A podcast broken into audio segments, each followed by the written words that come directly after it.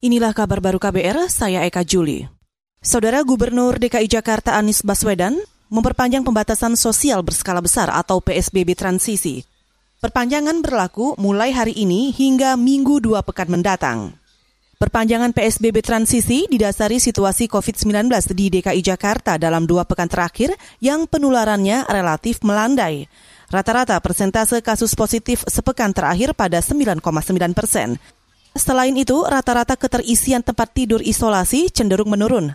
Dari 64 persen pada dua pekan lalu menjadi 59 persen hingga Sabtu 24 Oktober.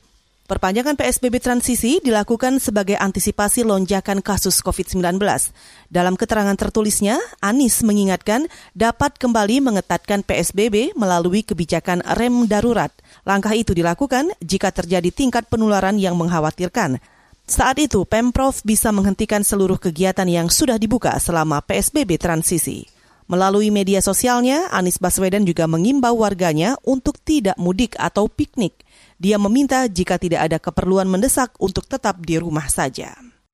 Sementara itu, epidemiolog meminta pemerintah tak hanya mengimbau, tapi melarang untuk mudik saat berlibur panjang pekan ini. Ahli wabah Universitas Griffith Australia, Diki Budiman mengatakan penyebaran COVID hanya bisa dicegah dengan cara membatasi mobilitas orang ke berbagai daerah.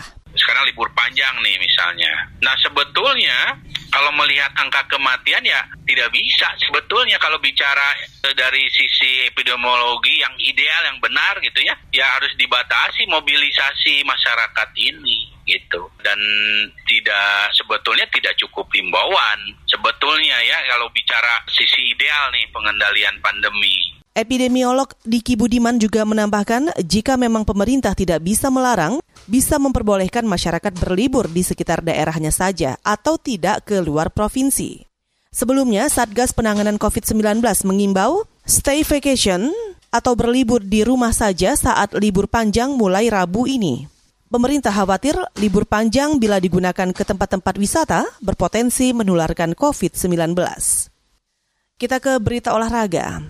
Pebalap tim Petronas Yamaha Franco Morbidelli meraih kemenangan di Grand Prix Teruel di sirkuit Aragon minggu malam waktu Indonesia Barat. Morbidelli dalam balapan sebelumnya juga menang di Grand Prix San Marino, Italia. Laman resmi MotoGP mencatat pebalap asal Italia itu tampil dominan memimpin balapan sepanjang 23 putaran di sirkuit yang terletak di Alcanis, Spanyol itu.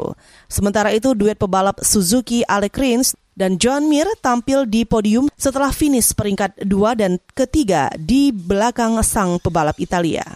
Hasil klasemen sementara, pebalap Suzuki John Mir masih di peringkat pertama, sedangkan peringkat dua hingga empat ditempati pebalap Yamaha termasuk Morbidelli.